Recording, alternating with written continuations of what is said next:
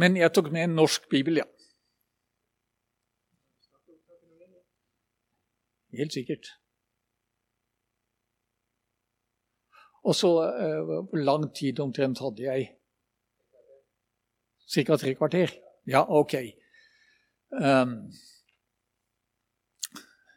dette er jo tekster som er skrevet uh, for mange tusen år siden.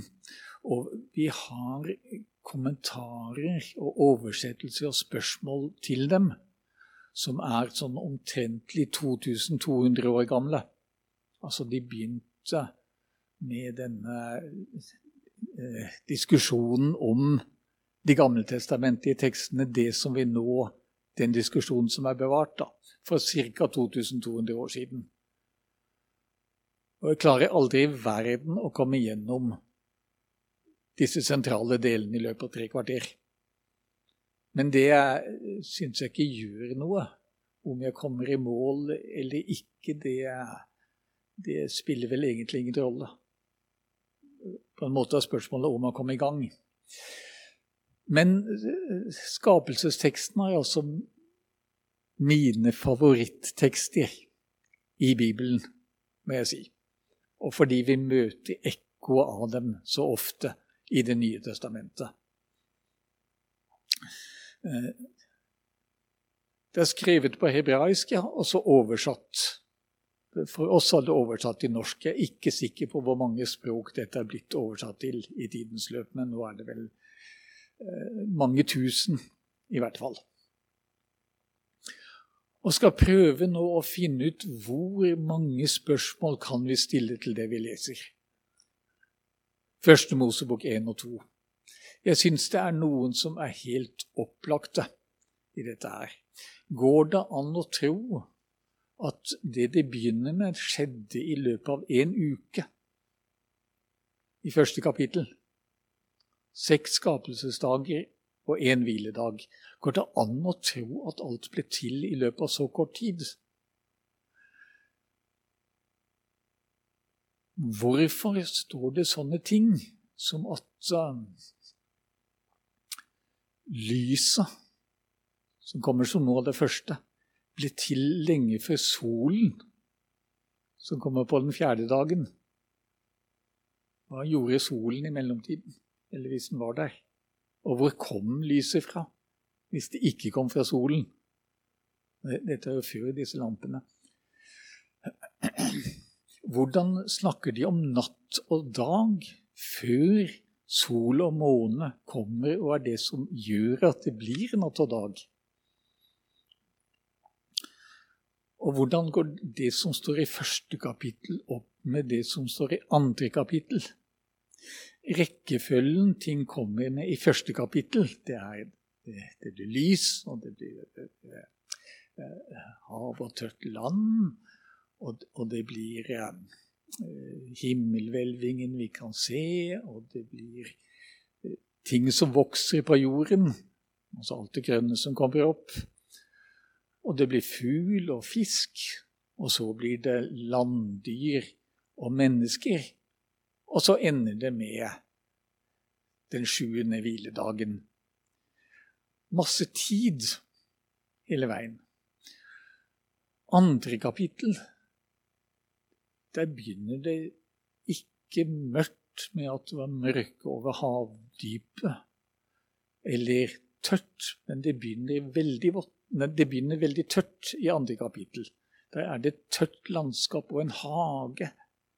Og så kommer rekkefølgen av at det kommer først en hage, og så en mann, og så mange dyr og fugler, og så en kvinne som blir laget på en underlig måte. Hvordan går disse tingene opp med hverandre?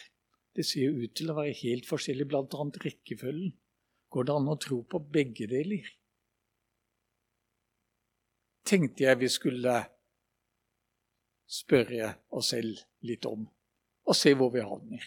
Og da gjør vi det på den måten som disse gamle skriftlærde gjorde på Jesu tid, når de underviste den oppvoksende generasjonen om eh, de gamle hellige skriftene de hadde. Altså da, for 2000 år siden, var det jo disse skriftene allerede gamle. Og forsøke å diskutere oss gjennom det. Og så spørre de to store spørsmålene.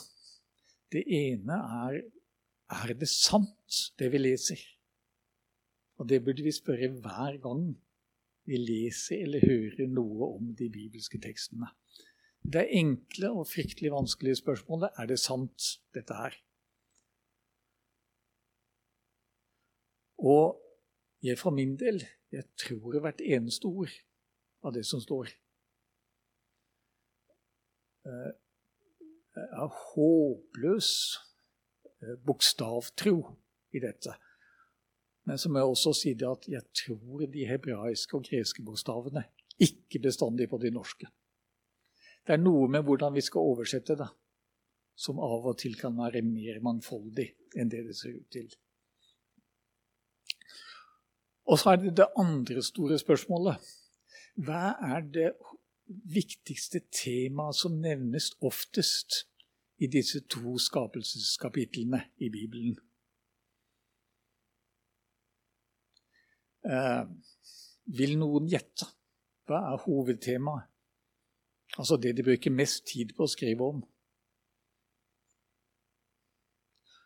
Det er det aller viktigste i livet vårt mat. Hvis noen tviler på at mat er det viktigste i livet, så bør de prøve å leve uten noen dager. Jeg har jo lest masse om eh, mange religioners sånne grunnleggende hellige tekster. Eh, Bibelen, Koranen, hindutekster, buddhisttekster og andre. Det er én ting som skiller Bibelen fra alle de andre. Selv om den eksempelvis ligner veldig mye på Koranen i masse av innholdet, så er en svær forskjell det er at Bibelen snakker så veldig mye om mat. Det er matprat og matoppskrifter og matbeskrivelser og side opp og side ned. Og det snakker skapelsesberetningene også om, så det vil jeg også snakke litt om. Eh, Koranen nevner det nesten ikke. Muslimene er jo kjent for oss da, for det de spiser og ikke spiser. Sant? Alle vet hva sånn, eh, halal betyr og sånne ting. Men Koranen nevner nesten ikke mat i det hele tatt. To fulle setninger i beste fall har hele den boka. Mens Bibelen altså har, er full av det.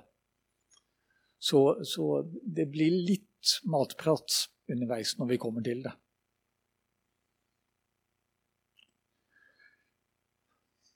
Nå har jeg tenkt å bare begynne å lese helt fra begynnelsen. Første setningen sier i begynnelsen skapte Gud himmel og jord. På hebraisk heter det 'Bereshit bara Elohim et hashamayim et aret'. Det er flott. Det er kjempefint. Og så tar vi ord for ord nå litt. Bereshit er det første ordet som vi alltid nesten oversetter med 'i begynnelsen'. Alle, på alle europeiske språk jeg leste på, i hvert fall, så står det det. Er det sant? Nei, står ikke det. Eh, når vi sier 'i begynnelsen', så sier vi det i bestemt form. En begynnelse og den begynnelsen. På hebraisk så står det faktisk ubestemt.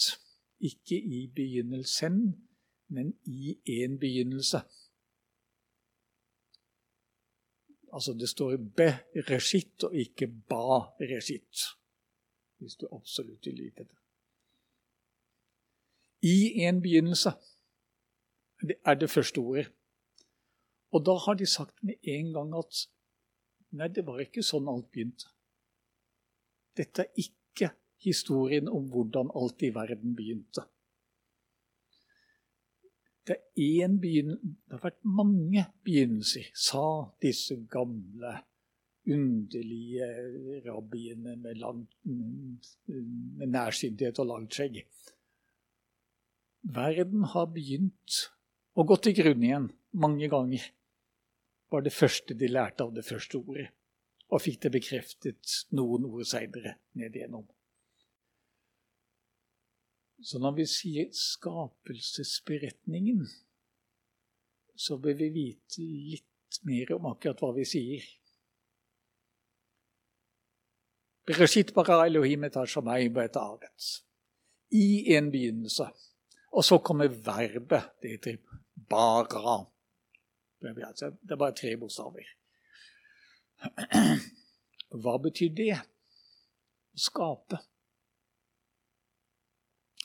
Jeg har nok dessverre lest ganske mye rart om dette her eh, på norsk, hvor de sier at dette betyr å skape av ingenting. Eller at det er et verb som bare brukes med Gud som subjekt. Begge deler er helt feil. Det er ikke det. Eh, hvis vi hadde enten bruke nettet eller tjukke, fele oppslagsbøker og se bruken av ordet bara gjennom bibelteksten, så ser vi mange, mange betydninger av det. Eh, en betydning er å bryte, sånn som å bryte brød. Eh, en gammel, gamle sånne nattverdliturgier i kirken, hvor det står at da Jesus tok et brød velsignet brødet og ga det disiplene, så bruker de dette verbet. Han skapte ikke et brød der og da. Altså, brødet var der jo, men han brøt det av. Tok en del ut av det. Eh, risse inn kan det bety. Som om jeg skulle laget den strekesteinen her. Eller, eller også uh, lage merker ved å, å, bruke en sånn meisel og slå på noe. Ta i eie ville være den beste måten å si det på norsk. Hvis jeg har en kake, og så vil jeg bestemme hvor mye skal hver få av den kaken, så bryter jeg av en del til hver.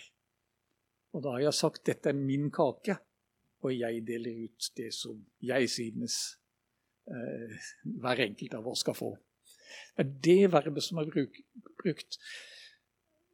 La, vil de si å lage eller produsere eller forme, så har det masse, masse andre ord enn bare å bruke.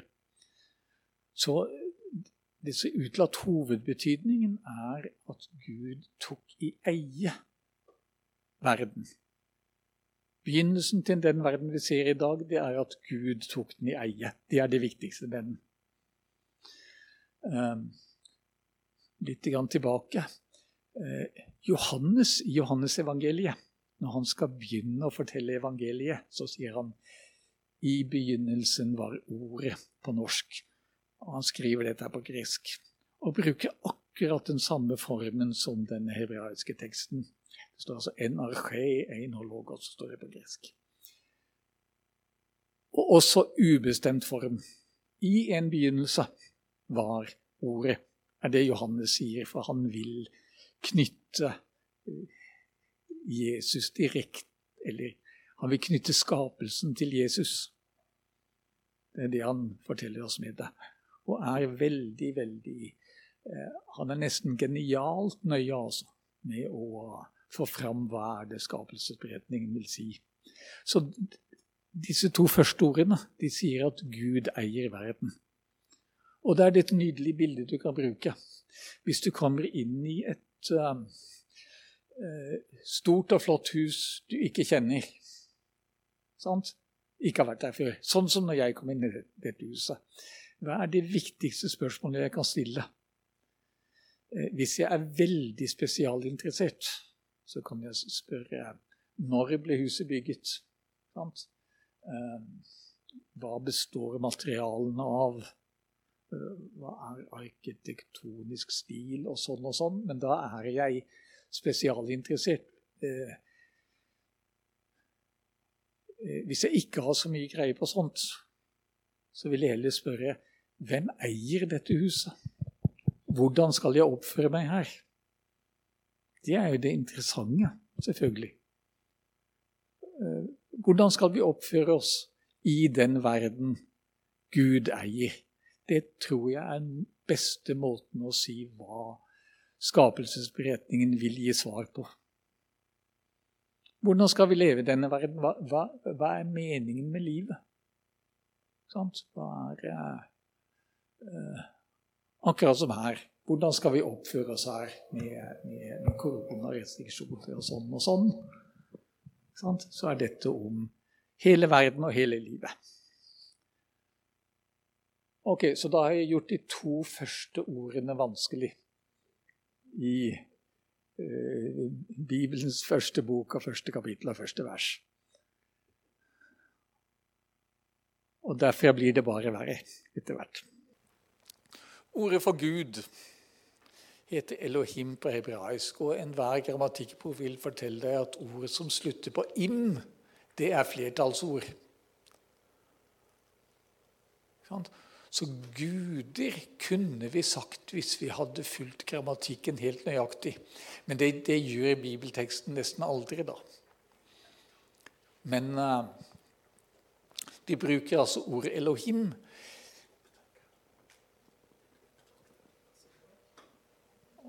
Opptatt av å snakke her. Hva gjør jeg da? OK, jeg, jeg, jeg skal gjøre mitt beste. Ja.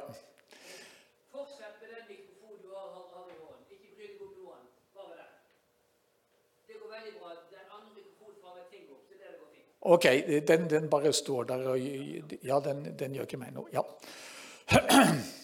Altså, det er et flertallsord, men som er entall, fordi man ser på verbet om det er i entall eller flertallsform. Så Gud er én, er det ingen tvil om, men sagt i flertallsform. Og det er jo en av grunnene til at vi Hele den kristne kirke er enige om denne underlige treenighetslæren. Nei, det går ikke an å finne ut om Gud, om det er entall eller flertall. Vi kan ikke alltid regne oss fram til det. At det er både tre og én på én gang. Det går ikke an. Men det er sånn det står. Gud er flertall og entall. Og tredje person i guddommen skal vi møte om noen få, noen få ord nå ned igjennom. Så, så, står det 'han skapte eller tok i eie himmel og jord'. Og det er rimelig greit. Men det er eh, Vi møter også der på, på dette med eh, Ja, det ene er ordet for jord. Av og til må vi oversette det samme ordet for, som ordet for land, altså landområde. Ehm, når Gud kaller Abraham i kapittel 12 i første Mosebok, så sier han 'dra bort fra ditt folk og din familie og ditt land' til et land jeg vil vise deg. Og Da brukes det samme ordet. Og Det betyr ikke at Abraham hoppet fra verden til verden, men at han forflyttet seg fra et land til et annet. Så, så, men sammenhengen sier at her menes det med jord, så menes det det som vi er. Altså det som vi er på, og det vi kan se. Himmel er jo veldig, veldig spennende ord. Shamayim heter det. Og da har det en totallsending. Endret ordet på ayim, så er det totall. Altså, De har både entall og flertall og totall på hebraisk. Nokså opplagt, sånn som ordet for hender og føtter og ører og øyne og sånn, det er totallsord. Altså parord. Og shamayim er som totall. Kan direkte oversettes med 'der er vann'. Eller 'der er eh, Altså eh, dobbeltvann, fordi vann er både ovenifra som regn det har vi bedre greie på enn det de hadde. Og så er det nedenfra i kildene. Og så er det både i saltvannsform og ferskvannsform. Så egentlig et genialt ord. De har ett ord til for himmel, og det er med den himmelhvelvingen vi kan se. Eller vi hadde kunnet se den hvis det var skyfritt, da i hvert fall.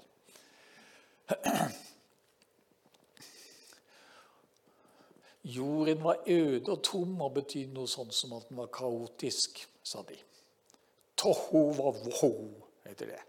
Og Da kan vi høre at dette er et sånt ord som er laget for å, for å skape litt kaos og bråk. Tohu wa. Det er en sånn uh, roligheter. Og mørket over det store dyp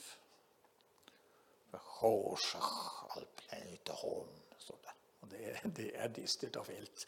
Men skal, nå skal det lages bilder hos oss, liksom, i hjernen. Vi skal få bilder av noe. Og det, dette er bilde av noe, noe, som begynner med eh, rot og bråk og bevegelse.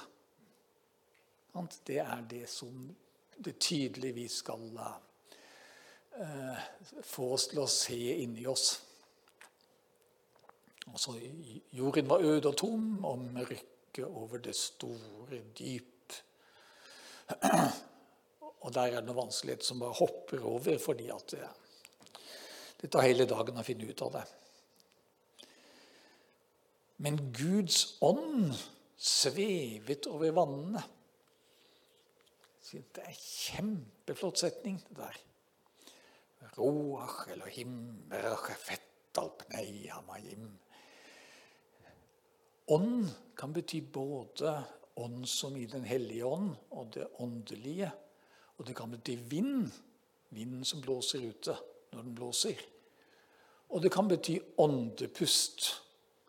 Og Derfor er nynorsk mye bedre enn bokmål her. Ande. Det er på en måte begge deler. Så vi kunne på norsk bare oversatt at Guds pust eller Guds, Guds ånde, altså, eller, eller, Guds vind. Det hadde også gått fint.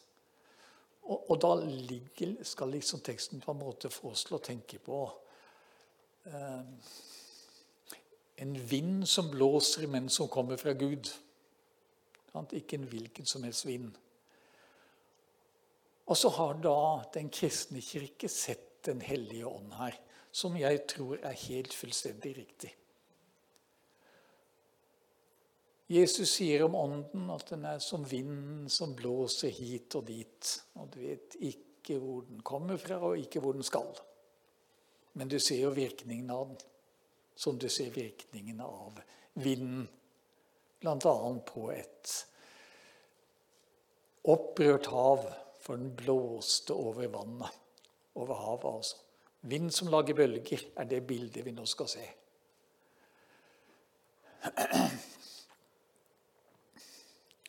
Og så står det videre Vayomer Elohim yehi år, hva yehi år. Er ikke det flott? Si ja. Og Gud sa det blir lys, og det ble lys. Det kan jeg òg. Jeg kan si at det blir, det blir, lys. Så kan du skru på bryteren, og så blir det lys. Det er ikke mer enn det som står. Ehm, det står ikke noe om hvordan lyset ble laget eller ble til. Vi vet ikke hvor lyset kommer fra. Og det gjør vi vel ikke, egentlig. Vi er ikke sikre på hva det er engang. Er det partikler, eller er det bølger? Eller, er det, eller hva er det for noe? Det, det, bare, det på en måte bare er der. Og vi vet jo ikke egentlig alltid hvor det kommer fra heller. Og heller ikke historisk. Men lyset her blir også til før det som gjør det lyst for oss, altså sol og måne. I, I, den gamle kirken og i Østkirken så snakker de om det uskapte lyset. Nettopp fordi det står ingenting om hvordan det ble laget eller ble til. Det bare, det bare kom der. Helt sånn uh, Helt sånn grunnleggende, så å si. Og så Nå skal jeg gjøre det verre. Gud så at lyset var godt, og han skilte lyset fra mørket. Og Gud kalte lyset dag, og mørket kalte han natt. Og det ble kveld, og det ble morgen første dag. Sånt altså Gud så at lyset var godt. Og et uttrykk som går igjen og igjen gjennom disse seks dagene, eller seks skapelsesdagene som første kapittel består av, det er uttrykket 'det var godt'. Sant? Og det andre uttrykket som kommer, det er 'det ble slik'. Det kommer igjen og igjen og igjen. Sju-åtte ganger. Og da sier vi hva betyr det? Lyset var godt. Vajar eller år, kitov. Og godt betyr det er noe sånt som uforanderlig. Altså ordet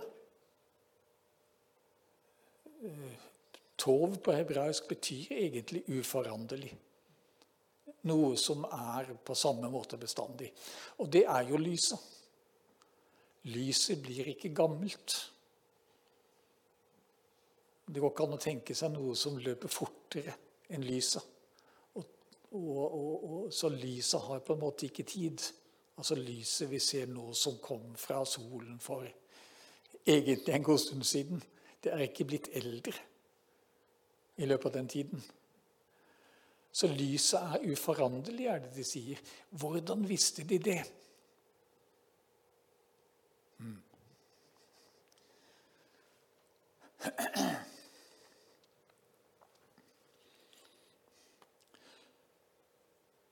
Men står det at lyset ble slik? som det står om nesten alt annet. Og det ble slik. Og jeg kjenn Nei, det står ikke det. Lyset ble ikke slik. Og der må vi igjen inn i disse, disse rare ordene. Slik. Det heter 'ken'. Det kan også bety ja når man snakker. Moderne, i hvert fall. Og det betyr satt på plass. Noe som er plassert, og som står der. Eh,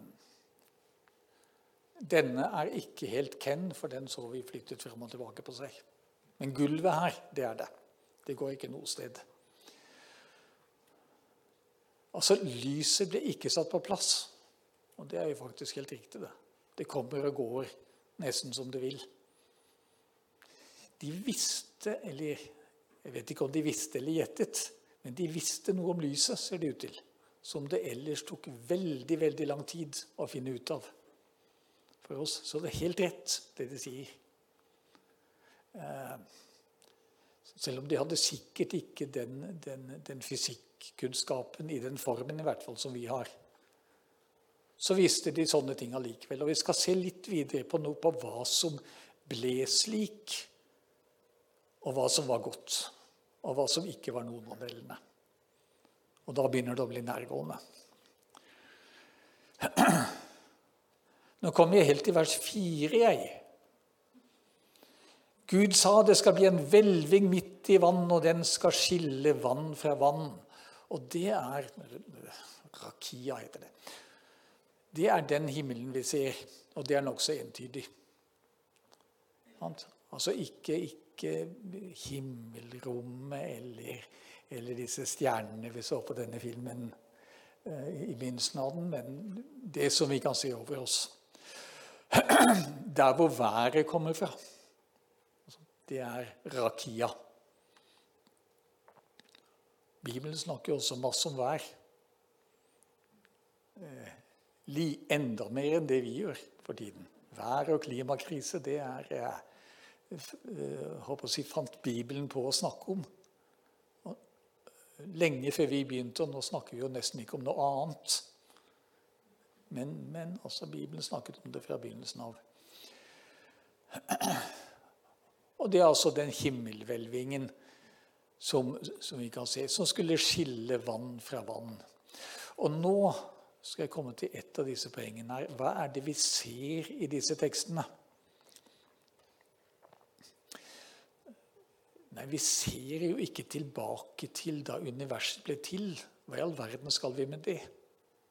De gamle skriftlærde de sa at dette er vi ikke, sånt er vi ikke interessert i. Hvis de ville hørt om Big Bang-teorien, så ville de sagt at ja vel, hva så? Vi var jo ikke der og så det. Hva skal vi med det? Eh, de ville antagelig ikke hatt noe imot den, men heller ikke vært noe interessert. Kan tenke meg. Men her er det det du ser hele tiden. Og det er jo det skapelsesberetningen faktisk bare inneholder. Ting vi kan se rundt oss hele dagen. Det er ikke noe mystisk eller åndelig eller på den måten ubegripelig i det. Du ser alt. Og du ser til og med at det skjer. Og nå skal det bli litt vanskelig igjen. Vi feiret nyttår for noen få dager siden. Gammel jødisk og bibelsk tidstelling den har to nyttår hvert år. Det er jo greit. Ett om våren og ett om høsten.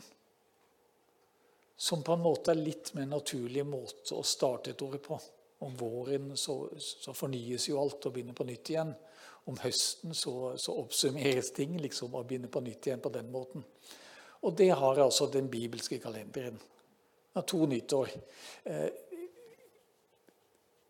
klimaet i Bibelens land, hele Midtøsten, faktisk det er jo sånn Egentlig er det bare to sesonger. Eh, det er sommer og vinter. Altså det regner om vinteren, og det er tørt om sommeren. Akkurat som her. Bortsett fra at her regner det om sommeren også. Men vår og høst er det nesten ikke. En ukes tid cirka varer det. Fra det er vinterforhold, forhold, og dvs. Si regn og regnbyger, og på en måte kaotisk og mørke og skyer. Sant? Og himmelhvelvingen som du ser. Og så til at sommeren begynner med at det blir grønt på marken, og du ser fugler og fisker i vannet når det klarner, og dyr og mennesker. Du ser ting i skapelsesberetningen slik som de trer fram hvert eneste år beste stedet å lese den på, synes jeg i hvert fall. Um, kanskje helst, helst ut, ved, ut, ut, ved, kysten i Israel, også i Galilea. I løpet av ca. en uke hver vår, altså omtrent mars, omtrent etter vår kalender, så skjer akkurat dette. Står ute ved sjøen, ser vinden som kommer blåsende og lager kaos på havet. Bølgene ser hvordan det slår inn. Og at det fremdeles stormer og regner, men du begynner kanskje på dag to å se himmelhvelvingen over deg. Altså Det er ikke bare grått og tjukt regn, men det er jo en hvelving der hvor det kommer fra. Begynner å bli forskjell på hav og land. Sant? Bølgene stopper jo et sted. Um, I den rekkefølgen som det er. Dagen etter, kanskje det går såpass fort, så begynner det som har vært helt dødt på jorden, så begynner de første grønne spirene å komme fram. Og Derfor kommer plantene nå på den neste dagen, altså den tredje dagen i den beretningen. Og så klarner himmelen Gjerne dagen etter. Ofte, i hvert fall. Og du ser sol og måne og stjerner. Og så vil vannet være klarnet så mye at du kan se fiskene nedi vannet. Og fuglene begynner på hekketiden. Det må de runde av så fort som bare mulig. Og nå har vi kommet til femte dagen i, i kalenderen her. Og så kommer dyrene ut. De skal jo beite av dette grønne gresset som har kommet opp. Og du begynner å se alle dyrene rundt. Og så kommer menneskene og skal begynne på våranda. Og gutter og jenter sammen. Og Derfor kommer nå mann og kvinne samme, på samme tid i den første beretningen, men så i den andre skapelsesberetningen, som heller forteller om årsfornyelsen om høsten. Når det har vært tørt hele sommeren, og det går i fruktdagene, da kommer mann og kvinne på forskjellig tid. Så du kan se dette, det er poenget. måte. Og vi skulle sittet ved eh, i Israel eller Galilea, eller for den saks skyld i Syria eller Irak, altså, og sett dette her. Og så lest et, en sånn dag for hver dag. Og da hadde vi sett det. Og det er jo det de har gjort. selvfølgelig. De har skrevet ned det de faktisk så, og hvordan året fornyes to ganger hvert år. Og Derfor skriver de det som den grunnleggende beretningen om hvordan verden er.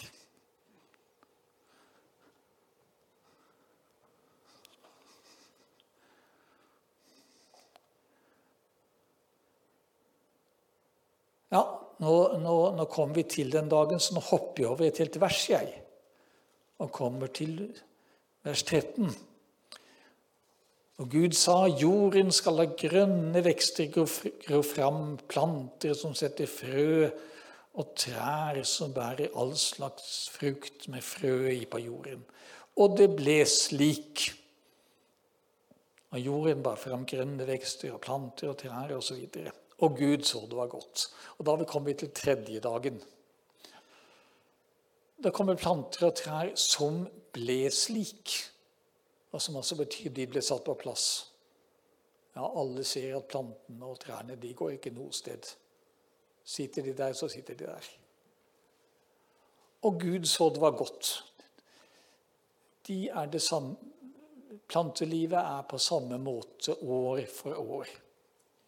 Sant? Uforanderlig. Eller relativt uforanderlig, da, må vi si. Helt rett man kunne se. Ja, det er sånn. Nå kommer plantene. Hvis dette hadde vært om hvordan alt begynte i verden, så er det jo tullete. Jo, fordi at det er først dagen etterpå at sol og måne eh, kommer. Og hvordan kunne planter leve uten sol? Nei, det kan de ikke.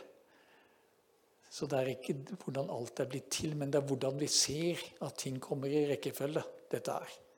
Himmelen er ikke blitt helt klar ennå, men vi har kommet til den tredje dagen da livet, eh, det grønne livet, begynner å bryte fram. Hva er spesielt med den tredje dag?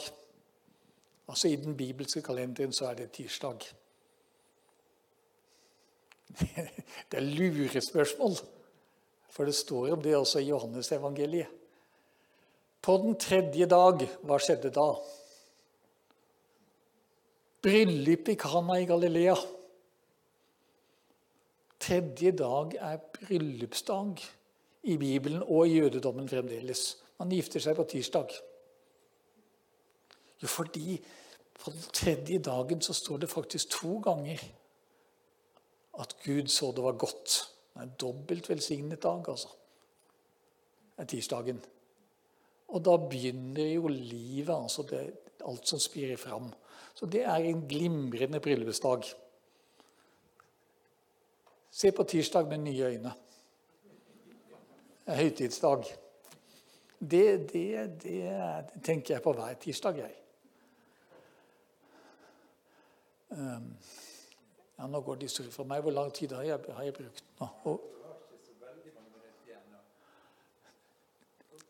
ja, men jeg har tre hele dager igjen. Ja, ok. Ja, har de ikke stilt spørsmål, så kan de bare ha det så godt. Da. Men, men altså, da skal jeg ta Å ja, ja, det store klokke her, ja. Ja, flott. Nå er vi kommet ferdig med tirsdagen, og så kommer onsdagen, fjerde dag, fra vers 14. Gud sa det skal bli lys på himmelhvelvingen, og de skal skille mellom dag og natt og være merker som fastsetter høytider og dager og år. Og så, jo, så ble det det. Store lyset til å råde om dagen og lille lyset til å råde om natten. Altså Nå først begynner dagene, det som vi begynte i vers 1. på en måte. Men nå begynner altså dagtellingen på onsdag. Um, sol og måne her kalles bare lys. De har, de har, ikke navn, på en måte. Altså, ellers så er det, jo, det er jo i bibelteksten navn på både sol og måne. Så Skjemmers og Helios og sånn. Men eh, kanskje er det skrevet uten navn her, men nettopp fordi det på den tiden det ble skrevet, så var det jo folk som dyrket sol og måne som guddommer. Og Da vil nok bibelteksten si at nei, dette er ikke noe guder. Dette er bare lys. Det er litt på en måte at de, de, de ber solen dempe seg litt og ikke tro den er mer enn den er. Men det er også fjerde dagen. Og det er også noe som jeg syns er veldig gøy jeg, når jeg sitter helt for meg selv og er sikker på at ingen ser meg, så leser jeg om gamle kalendere. Som var helt sikre på at onsdag det var den første dagen i det aller første året på jorden. Altså første, Ikke 1. januar, men første dag i første måneden var alltid onsdag. I noen veldig spennende gamle kalender. Men, men altså, jeg blir alltid ferdig hvis jeg får lov til å begynne med det.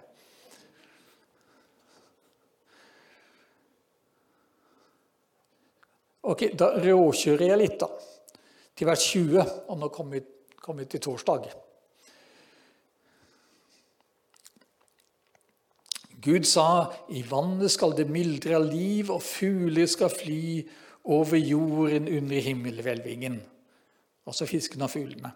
Og Gud skapte de store sjødyrene og alt liv som det yrer og kryr av i vannet, hvert etter sitt slag. Og alle dyr som har vinger til å fly med hvert etter sitt slag. Og Gud så det var godt. Og han velsignet dem og sa, dere skal være fruktbare og formere dere og fylle vann i havet, og fuglene skal formere seg på jorden. Og det ble kveld, og det ble morgen femte dag. Første velsignelse som vi finner i bibelteksten, den er ikke over oss. Den er over fisk og fugl.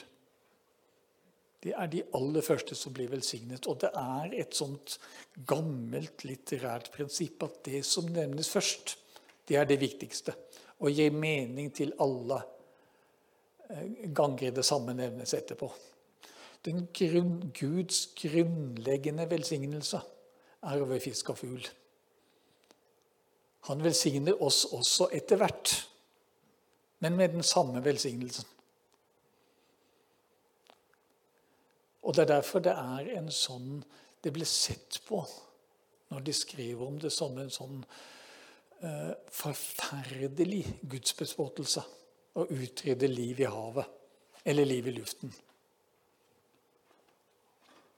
Altså Det vi da gjør i Norge hele tiden, det ble virkelig sett på som den verste gudsbespottelse som finnes.